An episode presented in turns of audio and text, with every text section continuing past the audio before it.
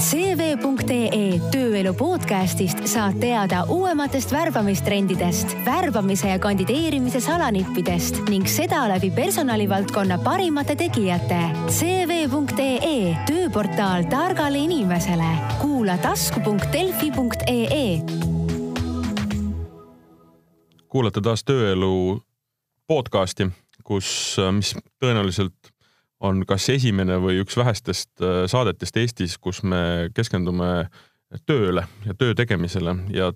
tulevikutööle ja räägime sellest, mida mõtlevad ja soovivad tööandjad, tööotsijad, töövahetajad. Ja meil on äh, hea meel täna võtta ette üks uuring, mis on äh, nii-öelda top employer või parimate tööandjate uuring parimate tööandjate just täpselt. ja see tähendab seda, et on küsitud, CV Online on küsinud ähm, inimeste käest lihtsalt äh, äh, mida nad, millist ettevõtet nad peavad enda meelest äh, nii-öelda mingisuguses valdkonnas kõige paremaks. ja, ja see uuring on vist iga-aastane. see aasta küsiti kaks, peaaegu kaks pool tuhat inimest ja tulemused on sellised, et äh, kõige paremaks tööandjaks, arvati siis nii-öelda, ilma seda, et võib-olla väga täpselt teada, mis seal sees toimub, on valitud Nordea Pank, aga meie saatega konkreetselt on kaks ettevõtet hästi olulised, on Eesti Energia, kes valiti tootmise valdkonnas kõige paremaks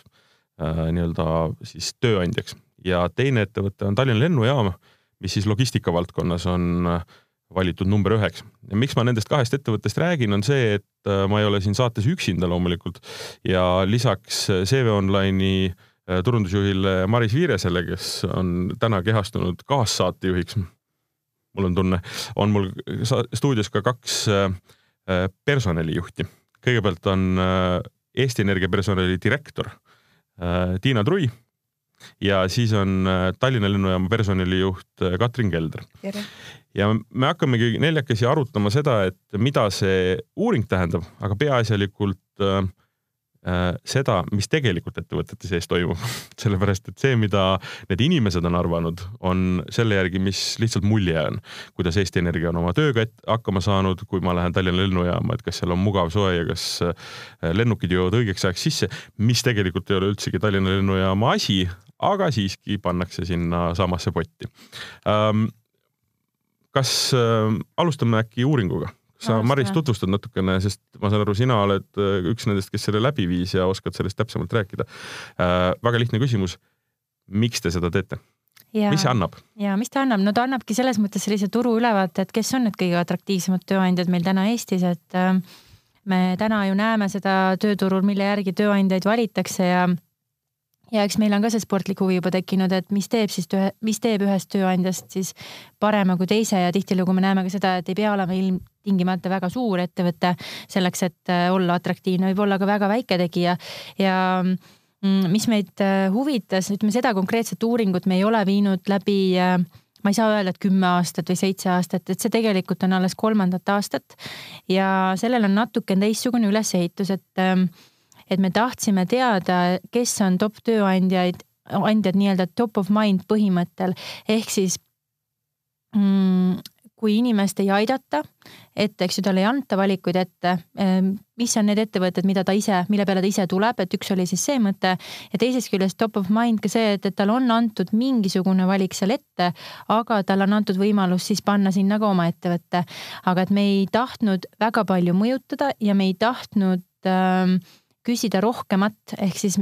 väga palju tehakse küsitlusi, uuringuid, kus küsitakse väga palju, no hinda sisekliimat, hinda seda, kuidas sul oli kandideerimisprotsess, see kõik on hästi vajalik, aga me täna tahtsime just äh,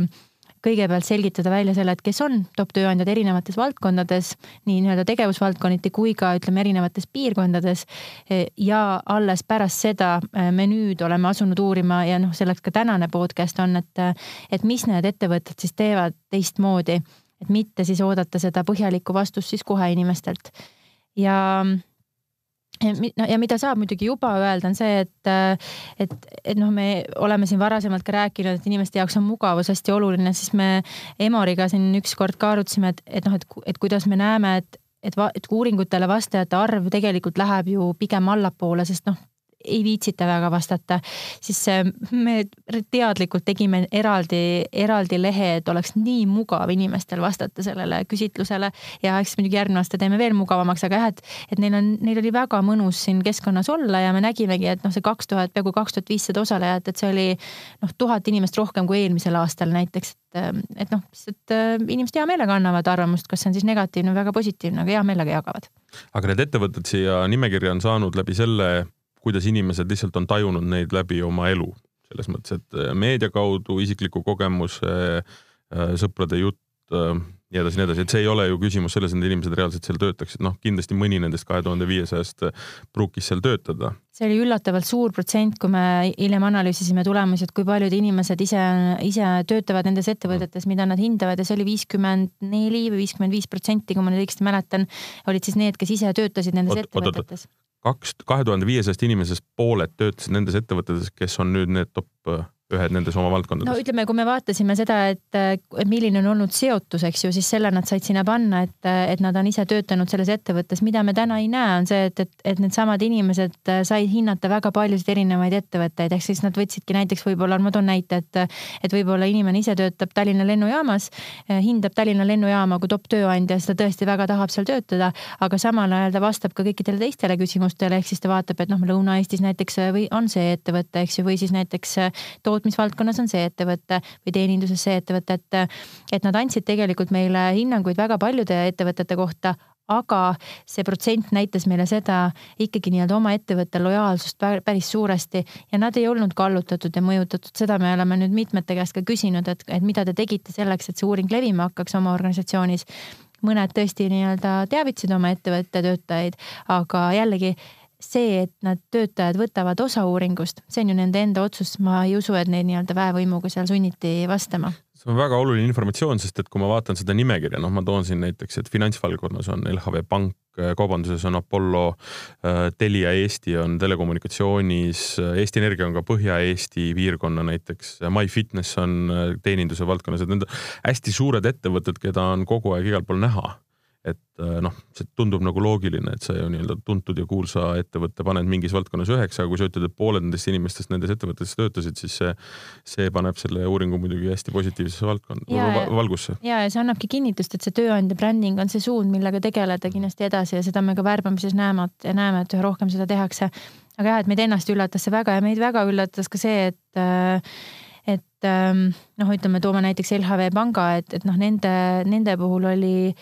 kuidas ma ütlen, vastajate arv oli pea kaks korda suurem kui kõikide teiste puhul, et lihtsalt jällegi Eesti inimene armastab Eesti asja ja, ja ju siis noh, nad teevad ka head asja, neil on, eks ju, turundus on oma, oma meeskonnas seal sees ja väga mõtlevadki läbi, mida nad välja ütlevad ja kuidas ütlevad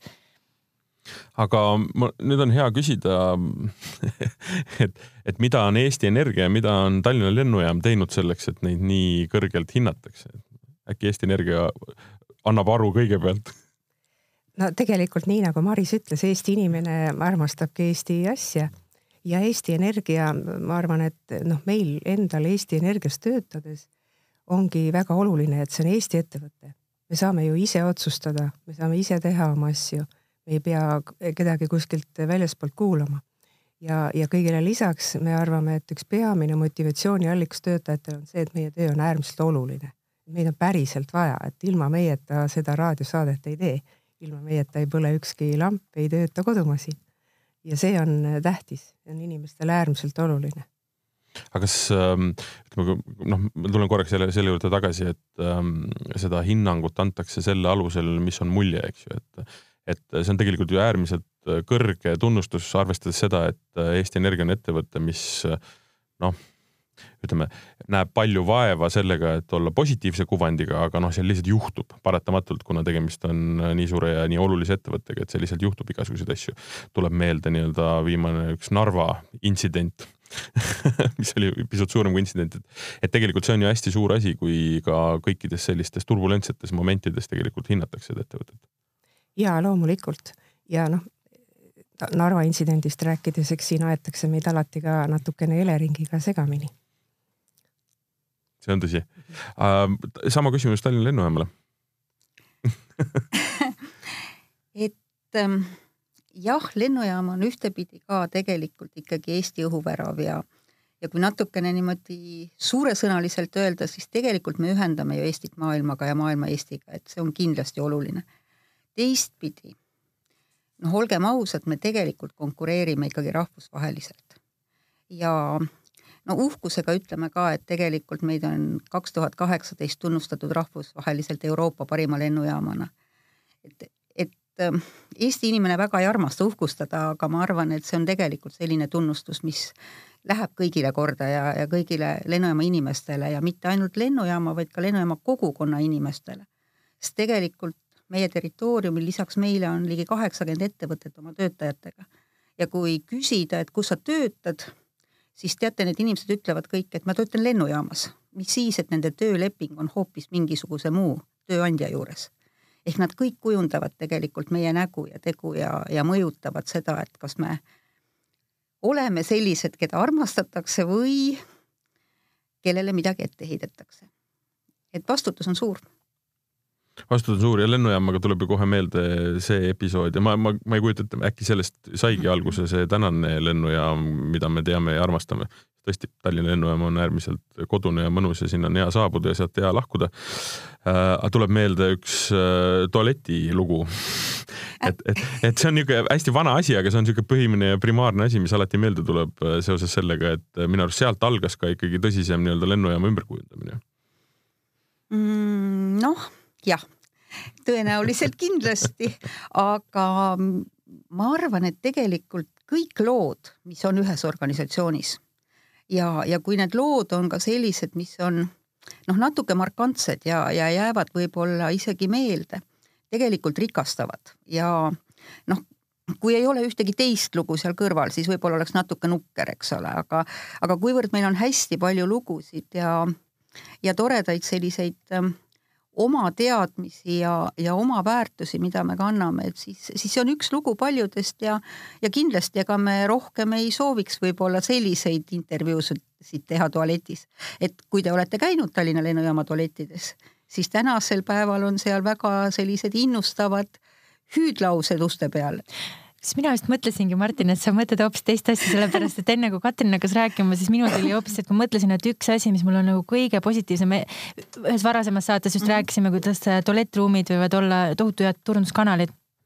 ja noh, värbamiskanalid ka, et inimesel, inimesel on siis sellel hetkel hetked istuda seal rahulikult, kasvõi paar minutit. ja siis ma just mõtlesin, et noh, minu jaoks alati on see Tallinn, nagu ma ükskõik milliseid lennujaami võrdlen, siis see tualett on nii innustav ja tore, et, et on lihtsalt nii ilus, et noh, tõeliselt ilus ja ma alati loen huviga neid tekste, kuigi ma ju tean neid tekste aga et, aga jah, et see keskkond, ma arvan jah, et see kodusus, ubasus ja, ja minu arust äh, jällegi, eks te ise ju teate neid märksõnu, aga mulle endale on tundunud alati, et see koostöisus, vaata, et sealt õhkab seda koostööd ja mitte ainult see, et tõesti, et see lennujaama enda perekond seal toimetab, aga, aga et jah, et kui sa astud sinna, sa näed, et noh, et võiks ju öelda, et see on mingi meeletu kakofoonia, mis seal asetseb, eks ju, et on siin kuskil on mingi Lottemaa ja siis kuskil on mingi muu asi, et aga see on kõik pandud nii vahvasti koos kõlama, harmooniliselt nagu ansambel, et seal tekibki sihuke tunne, et sa oleks nagu kuskil välisriigis põhimõtteliselt, sa näed nagu noh, igast maailma tükist väikest osa, on ju. et, et põhimõtteliselt Eestit näed seal lennujaamas ja see on, see on, see on kunst ja see on ikkagi saavutus ja ma ütlekski, et jah, et ma olen Eesti Energia puhul ka, et ma seal sees ei ole küll töötanud ise, aga, aga kui ma sõprade käest olen küsinud, et kus sa töötada tahad, siis Eesti Energiat on tõstetud väga palju esile ja inimesed, kes töötavad seal, vaata tunnustavad ja märkavad et noh, et tehakse ägedaid asju, et noh, ma tean, sa ise oled rääkinud, et te teete seal ikkagi väga vingeid asju organisatsioonis sees ka. no Eesti Energiast jah, saab ju rääkida mitte lihtsalt kui tootmisettevõttest, vaid samamoodi nagu müügiettevõte, me oleme klienditeenuste ettevõte, me oleme jaotusvõrgu ettevõte, meil on kakskümmend viis juriidilist isikut, kellest me kõik koosneme. Ja tegelikult ähm, rahvusvahelistumisest rääkides, siis nüüd me tegutseme juba ka kuuel koduturul ja, ja kui me võrdleme ennast maailmas teiste energeetikaettevõtetega, siis kindlasti me oleme palju digitaliseerumad, meil on kauglugevad arvestid ja, ja muud sellised toredad asjad, mida veel kaugeltki maailma teistel riikidel ei ole ja see teeb meie töötajad äärmiselt uhkeks. heas mõttes uhkeks. see on äh, ka tegelikult nagu naljakas, et äh, seesama uuringki äh, võrdleb nagu natukene võrdlematuid asju, et ka Tallinna lennujaama puhul on, see on otseses mõttes katsutav asi. katsu seda elektrit katsuda, eks ju. noh, et, et, et sa, sa ei, sa ei näe teda otseselt, sa ei saa teda katsuda, ainukene probleem on siis, kui ta ära kaob. et ähm, kuidas, kuidas nende inimeste motiveerimine käib, et mi, millest see tuleb, et Eesti Energiat ikkagi peetakse nii noh, heaks tööandjaks ja kuhu soovitakse tööle minna? kas on lihtsalt eh, nii-öelda kindel riigipalk või selle, ei, sellest peab ju midagi, midagi palju rohkemat olema? no kaugel sellest, et nagu ma alustasin, et, et meie töö on vajalik ja oluline, aga, aga Eesti Energia on äärmiselt innovatiivne ettevõte, et me oleme pidevas muutuses. et kui ma mõtlen eh, näiteks eh, uutele inimestele, kes on meile tulnud, siis mida nad kõik ütlevad, on see, et, et neid hämmastab see, milline tempo on meil ja kui meil seda tempot ei oleks, siis me ei suudaks oma asjadega hakkama saada, et äh, me saame väga hästi aru, et kogu energeetikamaailm on tegelikult nii-öelda, meil on kolm revolutsiooni korraga, et me peame ellu jääma selles, selles kiires maailmas, kus kõik muutub, eks ole, et väga palju räägitakse ju Põxitist ja selge see, et meie oleme seadnud endale eesmärgiks, et nüüd nelikümmend viis protsenti meie toodangust peab olema õige pea kohe varsti taastuvast energiaallikatest, aga see tähendab ju suurt transformatsiooni. me peame sisemiselt ennast ümber korraldama ja sellega me iga päev tegeleme. see ei ole mitte ainult nii-öelda noh, mõtteline, vaid see on ka inimeste transformatsioon, inimeste erinevatesse uutesse ja. kohtadesse panemine ma võib-olla ühe mõtte veel, sa oled mulle kunagi rääkinud ka sellest ja mida ma tean tegelikult läbi varasemate töökogemuste ka, et et te alustate ju hästi varakult juba, te kasvatate, kasvatate oma inimesi ette või noh, mitte kasvatate, aga, aga. tegeleme järelkasvu küsimustega, nagu me ütleme. jah, jah, et, et lihtsalt see on nii põnev mida, mis väljaspoolt võib-olla nagu ma ütlengi, et ei paista, onju, sest te olete täpselt selles kohas, kus te seda sihtrühma kätte tahate saada, et ei ole igal pool, et te teate ja. väga selgelt, kust teil inimesed tulevad peale ja me alustame tegelikult ja juba päris lastega, sest Energiaavastuskeskus on üks ettevõte, kes me hoolikalt jälgime, et väljapanekud oleksid energiamaailma suhtes huvi äratavad. kaevandusmuuseum samamoodi Ida-Virumaal, et reaalkoolide lastes tegelikult kõigepealt huvi äratada reaalainete vastu edasi me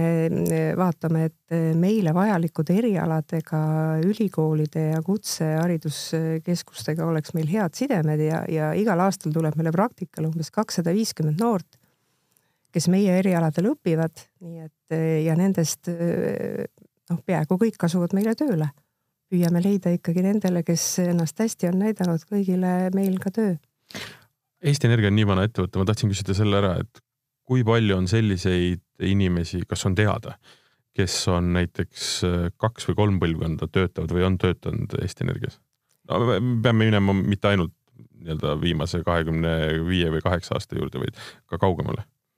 meie Ida-Virumaal asuvates tootmisettevõtetes on selliseid kaevurite dünastiaid ja energeetikute dünastiaid täiesti olemas. aga Eesti Energias on muidugi selliseid inimesi ka, kes on ka viiskümmend aastat Eesti Energias töötanud ja samal ajal ma olen, armastan rääkida ikkagi, et meil on selline kahekiiruseline ettevõte. et ühelt poolt on siis meie eh, suur energeetika, kus meie praegune eh, olukord on selline siis, kus me tõepoolest peame tegelema vastutustundliku koondamisega ja ja samal ajal eh, hoidma ikkagi noortes huvi üleval, et nende uute erialade vastu sealsamas Ida-Virumaal oleks huvi, nad tuleksid praktikale ja, ja meil on kasvav taastuvenergeetika, meil on kasvavad need välisturud, klienditeenusorganisatsioonid, transformeerub äh, jaotusvõrk, et, et äh, me peame mõlemaga korraga hakkama saama, nii et ühelt poolt tõmbame kokku, teiselt poolt kasvatame uut järeltulevat põlvkonda peale. et see on äärmiselt põnev, see on väga suur väljakutse, aga, aga tegelikult noh, ma arvan, et te, meie juhtidele äh, pakub see väga palju rohkemat kui võib-olla mõnes teises ettevõttes töötamine aga kui palju, kuidas siis öeldakse, kui palju on äh, liikumist Eesti Energia töötajate seas, et kas see on selline noh,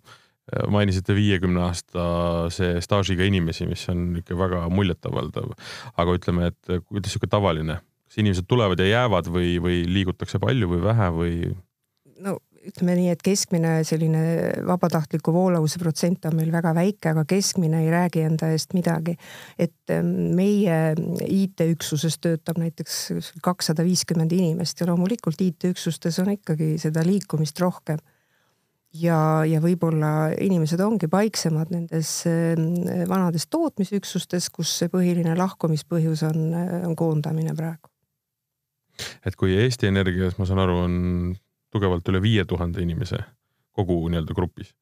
siis äh, kui palju inimesi töötab äh, Tallinna lennujaamas? Tallinna lennujaama aktsiaseltsis, aga ütleme üldse Tallinna lennujaamas. Mm Tallinna Lennujaama aktsiaseltsis koos tütarfirmaga, asi läheb ikka keeruliselt, aga las ta olla. E, ehk siis meie tütarfirma, kes siis sajaprotsendiliselt on emafirma omanduses, on Tallinna Airport GH ehk Ground Handling mm -hmm. ja temaga kokku on meid siis üle Eesti seitsesada. aga Tallinna Lennujaama kogukonnaks loeme me tegelikult veel lisaks umbes tuhat viissada inimest, kes siis seal territooriumil töötavad erinevates ettevõtetes ja on seotud kuidagi lennundusega. ja kui nüüd Eesti Energia ütles, et neil on ka viiekümnest aastase staažiga inimesi, siis tegelikult ega Tallinna lennujaam on ka aastast tuhat üheksasada kolmkümmend kuus. Ja ka meil on selliseid inimesi, kes on tegelikult äh, töötanud äh, viiskümmend ja enam aastat. Ja on ka neid, kes on põlvkondlikult lennunduspisiku kätte saanud ja, ja meile tulnud et see järjepidevus tõenäoliselt on ka üks asi, mis on oluline viiekümneaastased numbrid tunduvad mulle hirmutavad. müstilised, eks ju. aga mulle endale tuli üks seos, et ma mm. praegu lasin silme eest läbi need ettevõtted, kes meil nii-öelda topi hulka jõudsid, et äh, mis nii-öelda selline ühine märksõna või nii-öelda märgis on, et, et ühest küljest tuleb selline natuke sihuke Maslow pilt, Maslow püramiidi pilt silme ette, vaata sihuke baasvajadused, eks ju, et, et aga teisest küljest märksõna on kuidagi sihuke nagu tänutunne võib-olla või sihuke tänulikkus, sellepärast et mulle tundub, et on teatud teenused, milleta olla ei saa ja mis annavad elule nii palju juurde ja seepärast ma ütlesin Tiina sõnade peale tõesti energia, ilma selleta me ei saa vaata olgugi, et see on iseenesestmõistetav justkui nagu õhk, vaata, aga tõesti ilma selleta ei saa, et sa väärtustad teda sellel hetkel, kui sa saad aru, et sa võid selle kaotada. muidu ta tundub ju tavaline, ma tean, ma olen talus elanud, kus kogu aeg elekter läks ära ja siis ühel hetkel, kui korda said kõik liinid, ma olin nii tänulik, see oli nii, nii tänulik. et ja samamoodi Tallinna lennujaam, et mõtlen, et noh, et tõesti see tunne, et sa saad vahepeal käia ja vaadata maailma, eks siis see on noh, mis sa teeks muidu, noh tõesti võimatu. või siis äh, MyFitnessi puhul me oleme ka arutanud, et et, et inimesed üha rohkem ju väärtustavad tervist, noh, tõesti igas mõttes seda tervist, et nii vaimset kui füüsilist tervist, et ja noh, liikumine annab inimesele nii palju juurde ja ongi nii, et inimesed hindavadki seda, see on ainus viis neil siis tunnustada seda või öelda, et, jess, see on meie jaoks oluline. või noh, raamatud on ju, Apollot sa tõid esile, et noh, et tõesti, et, et see, see jah, mingi sihuke tänulikkuse märksõna, sest ma arvan, et ma ütlengi, inimesed tahavad näidata oma tundeid mitte kuidagi äh, vähendades Eesti Energia nii-öelda seda saavutust, absoluutselt, aga ütleme, ma mõtlen just logistika valdkonnas. Äh, Tallinna lennujaam ja ütleme, lennujaam ei ole kõigile igapäevaselt vajalik. bussisõit näiteks on, rongisõit näiteks on, et, et, et noh, ma oleks eeldanud, et näiteks mõni nendest ettevõtetest on niivõrd kõrgel kohal, mis tähendab seda, et äh, noh, midagi kuskil on nagu valesti tehtud, ma mõtlen just et e-, e-, e-, Elroniga sõidetakse ikkagi nagu iga päev väga palju, Tallinna bussidega sõidetakse nagu väga palju, et järelikult seal kuskil ikka teenuses on mingisugune väga suur kala sees või, või, või suhtumises või siis nendes inimestes, et äh, see ja. on hea, hea koht, kus õppida. ja tõesti, et kui ma vaatan praegu äh, transpordi ja logistika toppi, siis meie top viie hulgas on Tallinna Lennujaama aktsiaselts, Tallink Grupp, TPD Eesti, Lennuliiklusteeninduse aktsiaselts ja DHL Express Estonia et see enda hulgas tõesti ei ole praegu neid, keda sa nüüd äh, just äh, nimetasid. aga see võib, ma ütlengi, et see on aastatega natukene erinev ja, ja siin nii-öelda turundusorganisatsiooni turundustegevus väga suuresti mõjutab, et mis, kus sa väljas oled oma reklaamiga. et kas sa teed üldse endale reklaami või sa ei tee, eks ju, et. Ähm, no Tallinna lennujaamal ei ole vaja otseselt ka reklaami teha, sellepärast et ta ise on reklaam ja see on nagu väga lahedalt organiseeritud. ma tahtsingi tegelikult seda küsida, et kui see ümber nii-öelda äh,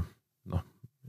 ma ei tea, paremat sõna mitte kasu- või paremat sõna mitte leida, see ehitamine siis, kus tegelikult äh, see tänane lennujaam nii-öelda kokku pandi, et äh, et ähm, Erik Sakov on sellest palju rääkinud erinevates olukordades, aga et kas see oli algusest peale see mõte, et tuleks ta teha kuidagi koostööna või oli alguses seal ka plaani, et teeme ta lihtsalt nagu klassikalise, noh, ütleme Riia lennujaam tuleb meelde või, või, või, või Helsingi lennujaam, et ta on lihtsalt lennujaamu tüüpi väga hästi toimiv üksus, aga mitte selline kodune, põhimõtteliselt nagu Lego klotsidest koosnev selline äh, mõnus keskkond, kus, kus noh, ütleme nii, ma olen hakanud lennujaama minema tund aega varem lihtsalt sellepärast, et seal on nagu mõnus. võib tulla veel varem ja leiab ikka tegevust. aga me tegelikult hakkasime oma sellisest noh, ka tööandja brändingust rääkima aastal, ma arvan, et see oli vist kaks tuhat seitse-kaheksa, kui me tegime ka selliseid pilootuuringuid ja tollel ajal ei olnud see võib-olla veel väga popp sõna üldse. ja, ja, ja väga popp mõiste. ja teistpidi, et ähm, kui me nüüd uuenesime äh, ja, ja, ja saime siis selle nii-öelda uue suure terminali, mis tänaseks on ka väikseks jäänud äh, kätte, et äh, eks siis loodi ikkagi seda sisu ka, et, et lõppude lõpuks ega noh, nii nagu kodu ei ole ainult seinad ei ole tegelikult ka üks organisatsioon ainult see infra ja taristu, mis tal on, vaid tegelikult selle sisu annavad ikkagi inimesed ja, ja, ja noh, mitte ainult lihtsalt inimesed, vaid inimeselt inimesele. Et see, mida, mida sa ise koged, mida sa oled valmis ka jagama, et see tegelikult annab tõenäoliselt sellise noh, tunde, et, et väga raske on betooniga tunnet tekitada ja ma kohe tahaks küsida, et kui lihtsalt täiesti eksprompt teie käest küsimuse, et kui te mõtlete pagariäri peale, kas teil tuleb üks ettevõte, pagarikoda või pagarikohvik või ükskõik nii-öelda pagari, pagaritooteid müüv koht, mis teile esimesena meenub, kus te mõtlete, et oh jess, küll seal on äge? No Muhu pagarid tuleme oma leiva tõttu kohe meelde. mis Katrinil on? toode on nii hea. ja mina mõtlesin muide Kalamaja pagarite peale et, et noh, tõenäoliselt eks ole, selline väikeettevõtja ja nišikas, aga, aga samas ju teatakse ja käiakse ka kaugemalt. ja eks neid ole veel Neid on veel ja, ja. minu arust üks nagu fenomenaalne koht on Vesivärava kohvik, kui me räägime siin inimeselt mm -hmm. inimesele, et, et ma mäletan, kui ma esimest korda läksin, siis ma olin kuidagi täitsa šokis ja mõtlesin, et noh, tõesti, et noh, kallikene, noh, kallikene, millist saia me võime sulle pakkuda, võtta kolm, me näeme, et sulle mahub rohkem. ühesõnaga, et, et, et see noh, lihtsalt äh, selline tohutu niisugune emalik hoolitsus, eks ju, et mõtlengi, et soe sai ja sihuke emalik hool nagu hea kombinatsioon, nagu raske on selliseid inimesi leida, kes, kes oskavad sellised olla või noh, mitte oskavad, ongi sellised sellised. see piir muidugi on hästi vaja ära tunnetada. ma mäletan seda, et me sõitsime sõbraga enne seda, kui Elron oli veel vanade rongidega Tartusse Tallinnast ja siis äh, seal oli see esimene äh, klass, kus oli baar ja kus siis olid ka ettekandjad ja siis ma mäletan, me noh, oli õhtu, me olime oma asjad Tallinnas ära ajanud, äkki oli isegi reede, tellisime õlut ja siis äh, toodi kaks õlut ja minule serveeriti külm ja sõbrale soe ja siis äh, see meesterahvas, ma usun, et kõik, kes me oleme piisavalt pikalt rongiga sõitnud, me teame konkreetselt seda nägu. ta oli üks legendaarsemaid nii-öelda reisisaatjaid seal, ütles, et äh, härra, ma tõin teile sooja, ma kuulsin, et köhite sellega oli loodud absoluutselt uus suhe. täiesti super, täiesti super aga, aga ma tahtsingi, siit on hea edasi, ma tahtsin küsida, et kas lennujaama puhul, et mis on need ähm, sõna, sõnad äh, lennujaama kohta, mida on öelnud eestlased, kes seda kasutavad ja mida on öelnud välismaalased. ja just sellesama valguses, et ta niisugune kodune emalik äh, soe on, et äh, see on pigem ikkagi ju positiivne alati. ja, ja noh, kui ennem oli juttu sellest, et inimesed ei viitsi vastata küsimustikele, noh siis võiks ju arvata, et tavaliselt me reageerime siis, kui me oleme rahulolematud. aga lennujaam on see õnnelik ettevõte, kuhu tegelikult tuleb väga-väga palju päriselt ka sellist tagasisidet ja õnneks on see enamus ikkagi positiivne ja tõepoolest nii noh, Eesti inimesed, mis on eriti tore, aga ka kõik teised, kes on siis võtnud kirjutada, jagavad sedasama emotsiooni ja noh, psühholoogid ütlevad ka, eks ole, et see esimene ja viimane emotsioon on kõige tugevamad ja, ja meil on see võimalus seda pakkuda, et noh, me peame siis lihtsalt olema piisavalt head ja, ja oskama seda, seda, seda luua ja võimendada, et et jah, me avald- ja me avaldame kõik tegelikult kõik oma klientide tagasiside ka oma siseveebis, nii et et inimesed jälgivad, ka töötajad jälgivad ja kui nad teavad, et keegi on lubanud kirjutada, siis nad vahest küsivad et kuule, kas juba tuli, kas te üles ka panete, paneme, paneme. et selles mõttes tegelikult noh, inimlikult me hoolime ja teil on nii palju emotsioone minu arust, mis on lennujaama puhul nii tore, vaata palju rohkem, millega mängida kui paljudel teistel ettevõtetel, et ma iga kord, kui ma lennujaama, iga kord, kui ma nii-öelda tagasi Eestisse naasen, siis minu arust ei ole nagu ägedamat pilti kui see, kui sa tuled sealt äh, lõpuks oma kohvriga välja ja sa näed neid kõiki siukseid nagu pisarsilmseid või siukse ootusärevusest pungil inimesi või siukse väriseva käes, käega noormehi, kellel on roosikimp käes mm., ootavad oma tüdruksõpra tagasi, et noh, nii palju emotsioone ja ei, mulle meeldib äh, tegelikult selle kõige puhul, eriti selle lennujaama puhul see moment, et äh, selleks kõigeks ei ole absoluutselt mitte mingit vajadust. selles mõttes, et äh, lennuk maandub, inimesed tulevad välja, lähevad taksoga koju, that's it, ega seal rohkem midagi vaja ei ole, et et tegelikult on astutud üks samm, mis annab nii kohutavalt palju juurde, mida tegelikult nagu vaja ei ole ja ma kujutan ette, et see on inimestele ongi üllatav. sest et ma olen Gruusiast kunagi lendanud ikka, maandunud Angaari põhimõtteliselt. seal ei olnud mitte midagi sead jooksid natukese kaugemal ringi ja noh, ühesõnaga teistsugune emotsioon, aga ega rohkem vaja ei olnud, sealt võeti auto peale, viidi jälle sinna, kuhu vaja oli, eks ju. nojah, aga tegelikult teistpidi, et eh, hoopis mõnusam on endal ju igapäevaselt töötada ja kui muidugi. sa mõtled, et eh, meie oleme need, kes on kogu aeg lahti, siis öösel kella kolmeks või neljaks tööle tulla, angaari, kus mitte midagi ei ole ja kus emotsiooni ka ei ole, siis, siis see on tegelikult ju noh, nukker ähm, me, meie inimesed on need, kes pühivad une silmast ära ja, ja võtavad kõik need poolmagavad reisijad vastu hommikul ja, ja püüavad nad siis võimalikult sujuvalt suunata ikkagi lennuki peale ja, ja head reisi soovida, et, et see on oluline Eesti no, Energia klienditeenindusliku eh, kogemuse saamiseks tuleks ilmselt vahepeal välismaal käia, välismaal elada ja siis tagasi tulles aru saada, kuivõrd mõnus on meil tegelikult, kui sa ei pea mingeid näite kuhugile teatama, kui lihtne on tegelikult liituda eh, mingite energiapakettidega, kui iseenesestmõistetavalt see kõik sulle kätte jookseb et noh, meie eesmärk on pakkuda sellist digitaalset klienditeenust sellisel tasemel, et me noh, inimene tõesti ei, ei märka ühtegi probleemi, ei taju. Ja tavaliselt nii ongi, et kui keegi on kuskil natukene välismaal elanud ja seal pidanud asju ajama, siis ta jälle tunnetab, et ah sa pagan tõesti, et Eesti on ikka digiriik ja siin kõik asjad toimivad see on nii mugav, mul tuleb kohe näide eelmisest kuust, ma sama mõttes sain Eesti Energia arve ja siis me elukaaslasega just arutasime, et mul pole elu sees sellist asja juhtunud päriselt ka, et ma maksan arve kaks korda ja siis, aga järeldus oli väga lihtne, see oli lihtsalt nii mugav. ma lihtsalt olen klõps ja klõps ja klõps ja tehtud vaata ja ma noh, see klõps ja klõps ja klõps, vaata, ma mäletasin, et ma ei olnud teinud, siis maksin kaks korda arvet. noh, pole tullu, aga et lihtsalt äh, ongi nii mugav, et sa ei pea nagu minema eraldi keskkondadesse, logima sisse, vaata, et kohe naks-naks-naks ja noh, super ei mingeid näitude teatamist enam, eks ole. no Eesti Energia teenindus, äh, eriti noh, tele, tele, tele, tele, telefoni nii-öelda siis äh, kanali kaudu, mina olen äh, äärmiselt üllatunud olnud, kui paindlikud te olete. et siukse suure ettevõtte puhul võiks ju eeldada, et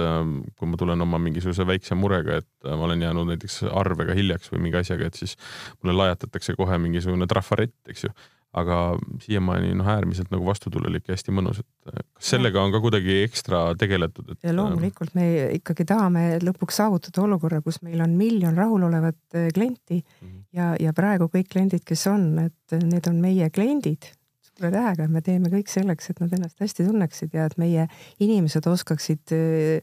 noh, suheldes jätta ikkagi sellise hea ja sooja tunde, nii et mis meie võimalused suhtlemiseks on. mina huvi pärast küsin sellise küsimuse, et et me oleme siin palju rääkinud sellist tööandja brändingust, et, et eriti suurte ettevõtete puhul, et kui oluline on oma inimesi kaasata selleks, et jälle uusi inimesi värvata ja ja no üldse, et olla nii-öelda selline suurem kõnetoru, eks ju, mida siis oma inimesed tihtilugu ka on, kui nad on rahul. Ja kui nad ei ole rahul, siis nad on ka, on ju kahjuks, aga aga et siis kuna te olete täna topi hulgas ka, et, et kuidas, kuidas Tallinna lennujaamas ja ka Eesti Energias on, et kui palju te kaasate oma inimesi, kui te noh, igapäevaselt toimetate, vahet pole, kas turunduse värbamist, kui palju te kaasate neid inimesi, kes, kes on teie töötajad? Mm, iga, igapäevaselt, et äh, mm, hästi paljud ideed tegelikult ikkagi saavad, saavadki alguse, alguse mitte ametinimetuse, vaid, vaid inimese idee järgi ja kui on tulijaid ja, ja ütlejaid ja, ja, ja ka kaasakiitjaid, siis asjad tehakse ära ja saab teoks, et noh, näiteks paar kuud tagasi tekkis selline huvitav mõte, et võiks teha ühe tõukerattaralli ümber lennujaama perimeetri. Äh, tehtud-mõeldud, ja mõeldud-tehtud, tegelikult oli siis kogukond kaasatud, rallitas üle saja inimese tõukeratastega, noh, ei olnud see kuskil kellegi ametiülesande noh, kirja pandud. see organisaator teeb igapäevaselt hoopis teist tööd. Aga, aga idee sai välja hõigatud, järgijad olid olemas. noh, teeme ära ja, ja eks siis sellised väikesed Äh, vahepalad tegelikult, mis annavad ka võimaluse võib-olla teise rolli minna, mitteformaalselt suhelda, et, et need on tegelikult ka see liim, mis aitavad äh, igapäevaselt seda, seda tööd ka paremal viisil teha. samamoodi eelmisel aastal algatasime oma segakoori, kes sai ka laulupeole, nii et hoiame pöidlaid ja, ja väga vahva. meil on oma pal-, abipolitseinike üksus lennujaamas spordiklubi, kes tegutseb üle kümne aasta juba ja, ja kõiki neid asju veavad erinevad inimesed, kes on tegelikult tööalaselt väga erinevates rollides. Äh, me oleme ka oma kliente tervitanud näiteks lennujaama aastapäeval niimoodi, et meie oma inimesed andsid minikontserte terminalis. Ja, ja see noh, seda ei saa nagu kohustada. sa saad üles kutsuda, sa saad öelda, et kuulge, teeme midagi lahedat ja, ja kui nad tulevad, noh, kui tullakse kaasa ja hoolitakse, siis ongi nii tegijal kui, kui kuulajal rõõmu tundub, et see hoolimise aspekt ongi hästi oluline, sest ma, ma olen kuulnud erinevaid lugusid ettevõtete kohta, on ju veel suuri ettevõtteid erineva suurusega, et justkui tehakse sarnaseid asju, erinevaid üritusi ka noh, nii-öelda inimesed korraldavad, aga no ei toimi, vaata, inimesed lähevad ära kergelt ja ei ole ikkagi sellist rõõmu ja särtsu ja kui, kui nende turundusosakond ütleb, et nii nüüd kõik, mis te siin kogete siin üritusel, palun tehke kõik pilti ja kõik jagage nüüd Instagramis ja pärast kõik saavad sõimuosaliseks, et miks te jälle ei jaganud, mitte keegi, et ähm, et see hoolimine tõesti noh, et seda, see on raske küsida nii, kuidas te siis hoo-, noh, et ühesõnaga, et kui ma küsin, et kuidas te siis hoolite, siis sa võib-olla jah ütled mulle neid tegevusi, eks ju, aga lõpuks me räägime ju täna siin nendest inimestest, kes, kes on värvatud meeskonda, kes on kunagi alustanud oma ideega või kes on võtnud selle noh, juhi rolli näiteks, eks ju, seal organisatsioonis, et, et kui oluline on nende enda selline inimlik, siiralt hooliv pool või inimlik pool aga kuidas, ma ei tea, kuidas Eesti Energias on? no ma arvan, see on äärmiselt oluline, et me ju inimeste, me, me võime tõepoolest liituda selle ettevõtte ja selle brändiga, aga kui me jääme ja jätkame, see sõltub nendest inimestest, hästi palju juhtidest. et meie koondame oma inimesi siis sellise noh, energiarahvas, me ütleme enda kohta ja siis see energiarahvas on see, kuhu me kuulume, mille üle me tahame olla uhked. -hmm. ja meie juhid, need on siis justkui energiarahva juhid et värbamisel me oleme läinud nüüd seda teed, et juht ise kutsub oma meeskonda ja et see ei saa olla selline trafaretne e, tüüpiline kuulutusjutt, vaid ta tegelikult peab oskama oma sõnadega väga ilusasti müüvalt öelda, miks ta, kuhu ta otsib, miks ta otsib, mis tulevikku ta pakub ja sellega ta annab justkui ka garandi, et et mina olen selline, nagu ma siin praegu luban. Ja tegelikult minu arvates töötab see väga hästi et sellist äh, head äh, vastutust äh, ise võttes ja vastutust andes on, on selles tegevuses märgata. me siin e-, eelmises saates ka rääkisime seda, et äh, üks asi, mida noh, varasemalt on palju tehtud, aga täna enam ei müü, see on see, et kui ilustada liiga. ja tegelikult tulebki rääkida ausalt, mis asjad on, et töö on, kui on kerge, siis on kerge, kui on raske, siis on raske, palka saab niimoodi ja aga me püüame alati paremini, eks ju, et,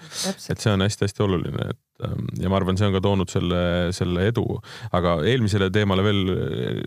lisaks ma, see on, see on niisugune huvitav, ütleme, nokkini saba lahti või siis niisugune lumepalliefekt, et kui sa saad oma organisatsiooni käima, siis nende samade väikeste asjade noh, korraldamine nagu seesama nii-öelda ralli või, või asjad, et, et sinna tullakse kaasa, sellepärast et see on nagu elu osa. Ehk et enam ei vaadata seda organisatsiooni, kus sa töötad, kui lihtsalt see, kes mu palga maksab ja kus ma iga päev käima pean, vaid et ta ongi sinu, sinu teine pere nii-öelda ja kui on energiarahvas, siis on energiarahvas, eks ju, ja see on nagu toetusi, väga raske. jah, toetusi ja soodustusi maksavad ja. kõik ilmselt üksteist jälgides enam-vähem ühel tasemel ja vahe ongi selles, et milline on see tunne ja emotsioon, mida see ettevõte pakub, et kuivõrd palju sa tunned, et sa tõepoolest üks inimeste hulgast, ma olen kaasatud. Noh, meil siin tuleb kohe-kohe energiarahva jooks Narvas, et see energiarahva jooks tähendab see energiajooks, et me, meie läheme, kõik, kes saab, me osaleme. et see on äge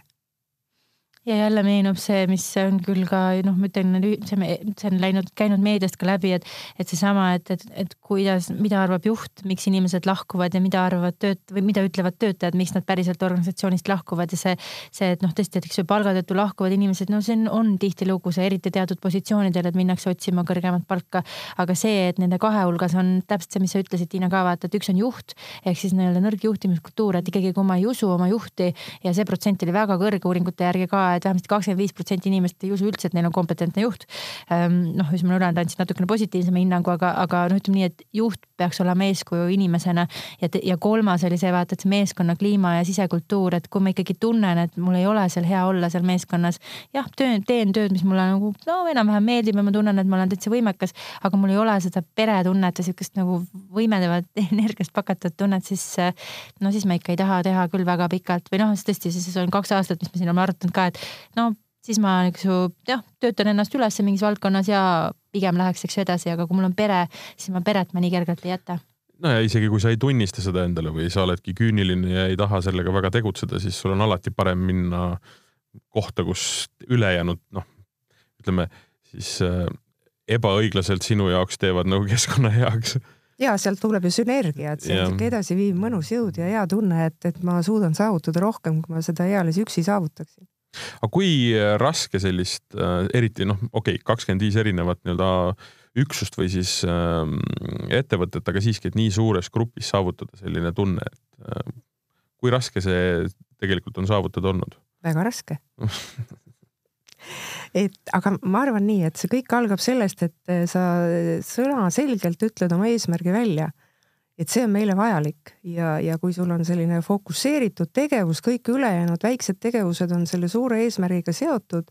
siis mõne aja pärast tegelikult asjad hakkavad liikuma. ehk et järjest rohkem on neid juhte, kes sellesse usuvad, järjest rohkem on neid inimesi, kes nende juhtidega kaasa tulevad ja tekib selline pööre organisatsioonist, võib-olla lähevad välja need inimesed, kes olid teistsuguste motiividega ja tuleb järjest juurde neid, kes on sellised ehedamad, ausamad ja kellele see kõik sobib.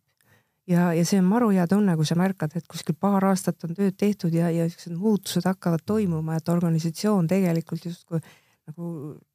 tõmbab ennast rohkem selliseks üheks tervikuks kokku. aga kuna meil on värbamissaade, siis äh, ma küsiks sellise küsimuse, et äh, kui raske on ametipositsioonil inimesi leida? või on nii-öelda ikkagi saba ukse taga ja, ja puhtalt sellepärast, et tahetakse tulla sinna ettevõttesse tööle? Otsitakse ise ülesse. ja, ja, ja teine küsimus, et me eelmises saates ka rääkisime seda, et, et ühel personaliinimesel peaks olema reaalne nimekiri lausa inimestest, nimedest telefoninumbriga, kellele helistada, kui on vaja positsioon täita, et kas teil on see nimekiri olemas?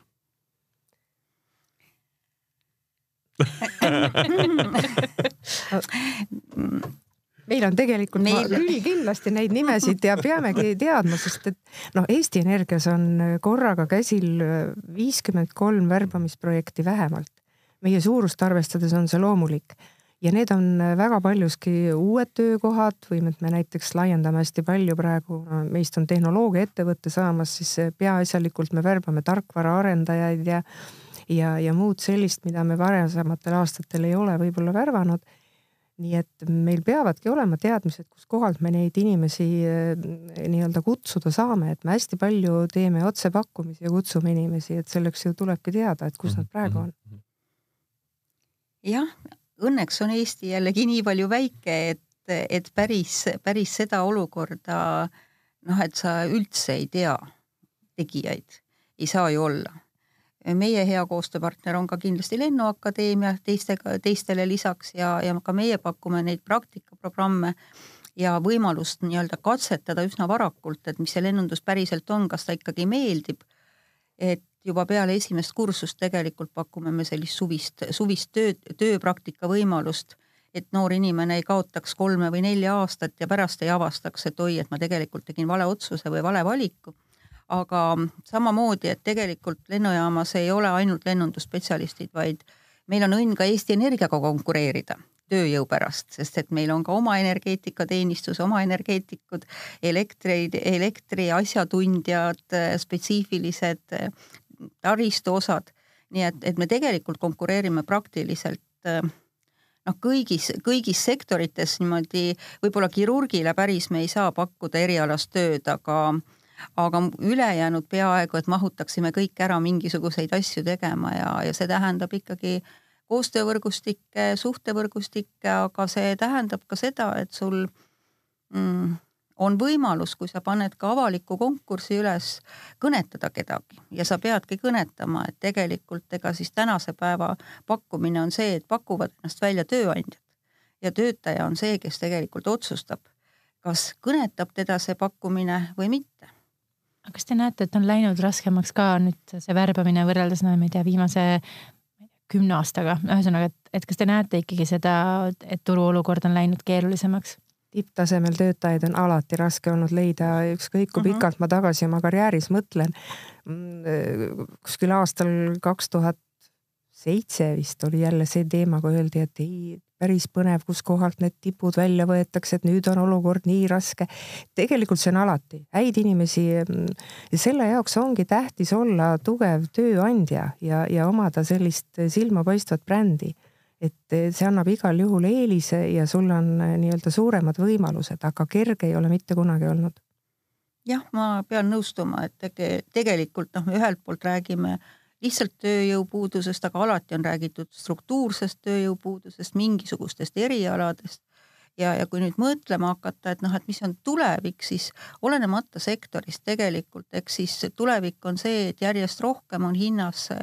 sellised digioskustega inimesed, digivõimekusega inimesed ja mm, noh, nende leidmine aga ka kasvatamine tegelikult organisatsioonis sees on, on, on hästi oluline, et et noh, alati on see küsimus, et kas sa äh, võtad selle, kes on juba elus kõik saavutanud või sa võtad tegelikult ja otsid üles selle potentsiaali, kes võib-olla on päris palju juba ära teinud, aga tal on veel mingid ambitsioonid. ja, ja siis kumb on see niisugune parem variant ja kus on see päris haakimise koht. et ähm, me võtame hästi palju tegelikult ikkagi ka selle teadmisega, et me püüame anda inimesele võimaluse veel midagi saavutada. Seda vist, et kes see nii-öelda nagu sa ütled, et nagu rohelise, rohelise õunana või rohelise käbina, eks ju, et, et kuidas sa saad aru, et, et temas on see potentsiaal, et minu arust see on nagu hästi suur küsimus, et nii et mis tahes tööandjate juures mina käin, ma räägin äh, inimese või nii-öelda selle potentsiaalse uue töötaja karakteristikaks, karakter, karakteristikast ja, ja ma näen, et see on selline keeruline sõna, et noh, vahepeal räägiti persoonadest ja siis räägiti, no ongi kompetentsidest on kogu aeg räägitud ja töökogemusest, aga jah, selline karakteristika, mis on nii-öelda siis veel, eks ju, üle sellest kõigest, et et me otsime nagu teatud peeneid omadusi, mis sellel inimesel on ja ja selliseid tööriistu, mis, mille abiga siis seda hinnata, just kui me mõtleme automatiseeritud hind, tööriistu, neid on väga-väga vähe ehm, et ja tõesti, kui sul on, noh, ma ei tea, palju sa, Tiina, ütlesid, sul on viiskümmend seitse erinevat töökuulutust praegu üleval. viiskümmend kolm konkurssi. viiskümmend kolm konkurssi, eks ju, et see, see nagu põhimõtteliselt tähendab ju täi, täiesti teistmoodi värbamisprotsessi ülesehitamist, kui sa lähed nagu sellise loogikaga teele, eks ju, et sa hakkad juba seda varakult nagu seda käbi põhimõtteliselt otsima, kes veel ise ka ei tea, mida ta tahab ja, ja milles ta hea on. aga sul on mingi tööriist, millega sa selles mõttes ikkagi kaardistad selle. et noh, see minu jaoks on tohutu põnev on see, kuidas noh, praegu ikkagi see tehnoloogia ja teadus ja kõik areneb, et, et kuidas me saame aru ja ühel hetkel me leiame nendele eh, üksikutele meestele ägedad naised ja üksikutele naistele ägedad mehed ka on samade tööriistadega, siis me suudame selle karakteristika nii-öelda karakteristikaga naelapea pihta tabada. aga mida te peaasjalikult otsite uuest töötajast? On see konkreetselt see, et ta homme saab jätkata sealt, kust eelmine lõpetas või on see ikkagi see kasvatusprotsess? Kasvatusprotsess kõlab väga halvasti, aga, aga ütleme noh, et, et, et võttagi see nii-öelda inimene, kes, sest et noh, olgem ausad, väga vähe on ju noh, ütleme eriti noori, kes võib-olla lõpuni teavad, mida nad tegelikult teha tahavad, milles nad üldse on tugevad, sest meie ütleme, koolisüsteem on selline, et seal pannakse lihtsalt, valatakse nii-öelda kapaga see teadmine pähe ja siis lastakse nii-öelda amokki jooksma, et ega seal ju väga ei sõeluta välja enne, ütleme, kõrge, kõrgemat haridust äh, inimesi selles suhtes, et mida nad, milles nad reaalselt tugevad on. Nad ju hindavad ise ja lähevad õppima midagi. kuidas see nii lennujaamas kui ka Eesti Energias sellega on? meie otsime inimest väga lihtne. ja, ja kõik teadmised tulevad sinna juurde, et noh, loomulikult tuleb hinnata, eks ole, realistlikult, et, et kui suur on see lisapingutus ja lisaressurss, mis sul on vaja selleks juurde anda, et kui on äge inimene, aga noh, mitte midagi ei oska, no siis on võib-olla raske. aga arvestades seda, kui kiiresti tegelikult maailm kogu aeg muutub ja ongi muutumises, siis ükskõik, mida see kool õpetab, igal juhul ta õpetas eilset päeva. mis tähendab seda, et noh, tahame me või ei taha, antud keskkonnas sa ikkagi peadki õpetama ise. Ja, ja sa peadki, tähendab, andma talle selle võimaluse tegelikult eelkõige vastu võtta ja omandada, sest et ega kapaga kahjuks ei saa pähe panna, ka tööandja ei saa, et inimeses peab olema see vedru, inimeses peab olema see tahtmine ja noh, jah, eeldused loomulikult ka. ja siis on võimalik tegelikult omandada väga erinevaid asju kohe meenub tänahommikune Vikerraadio saade, kus külaline oli David Vseviov, minu õppejõud ja siis äh,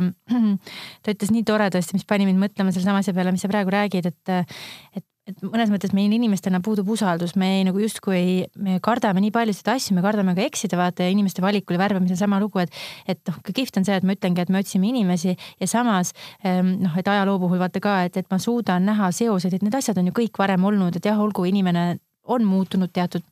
ühesõnaga võib-olla natuke muutunud, aga pigem see keskkond ju kogu aeg muutub, aga teatud protsessid on alati samasugused olnud ja tark on, targad õpivad, eks ju neist. Mm.. et aga jah, et see usaldus või see, et, et sa nii-öelda tõesti noh, kuulad teisi ja analüüsid seda, mis on olnud ja selle pealt julged edasi minna ja mitte ei hakka sahmima seal meeletult ja hirmu tundma, et lihtsalt liigud edasi, no ütlengi, et otsime inimesi vaata ja sa usaldadki, et tulevad need õiged inimesed tänu sellele eks värbamisel võib ju vigu ja on alati vigu tehtud, aga ma olen ka hästi nõus sellega, et otsida tuleb eelkõige inimest, mitte kompetentsi. ja kõige olulisem on see inimese võime ennast nii-öelda noh, uuesti leiutada või arendada või et see mhm. teetass oleks ikkagi alati nii, et sinna mahub juurde valada, et ei ole teetass nii täis. kõige suurem viga minu arvates, mis värbamisel üldse tehakse, ongi see, kui hakatakse väga kompetentsi otsima ja kõik väärtused ja hoiakud jäävad tahaplaanile, sest et lahkumise põhjuseks on peaaegu alati see, et on väärtuskonflikt või on valed hoiakud.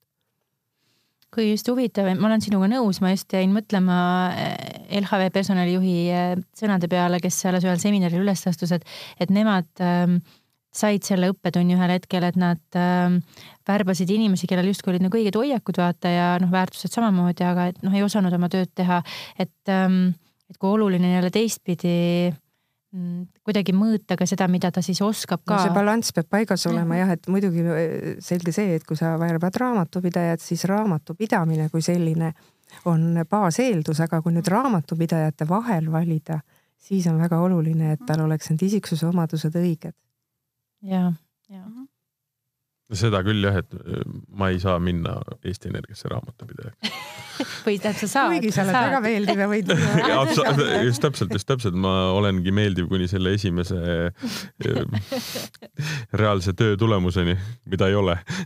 Siis me unustame selle elukestva õppe ära, vaata, millest me muidu räägime nii palju. ei, küll ma selle asja omale selgeks teeksin, aga enne seda olen ma korraldanud mingisuguse katastroofi seal juba pooltel inimestel on arved kätte saamata ja. soovitan kõigepealt siis minna raamatupidamist õppima no,, siis tulla meile praktikale ja praktika kaudu tööle ja see oleks loogiline karjääritee. absoluutselt.